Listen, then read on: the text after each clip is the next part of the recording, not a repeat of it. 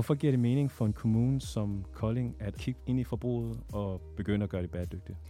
Ja, altså alle burde jo arbejde med at se på bæredygtigt forbrug, fordi vi er jo sammen om at øh, nedsætte vores CO2-aftryk.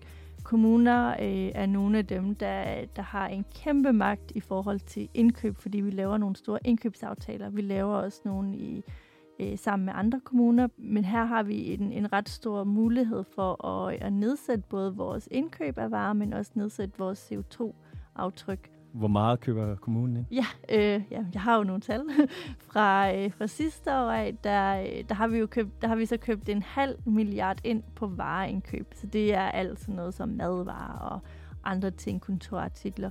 Øhm, så har vi købt øh, 1,1 milliarder ind på tjenesteydelser.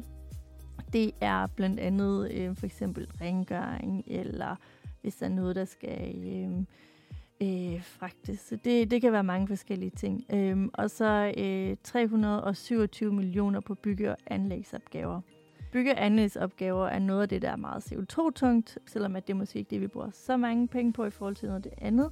Og øh, så derfor så er det et af de steder, som vi helt klart øh, skal kigge mere ned i.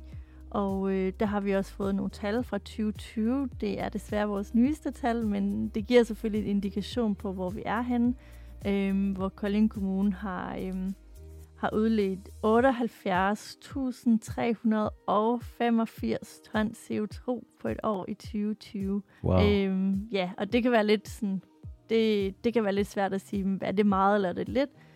Og vi ligger okay i forhold til andre kommuner, men det er stadigvæk højt, og det er stadigvæk noget, der skal ned. Øhm, vi, vi står for en kæmpe andel af, af det CO2, som vi, som vi udleder.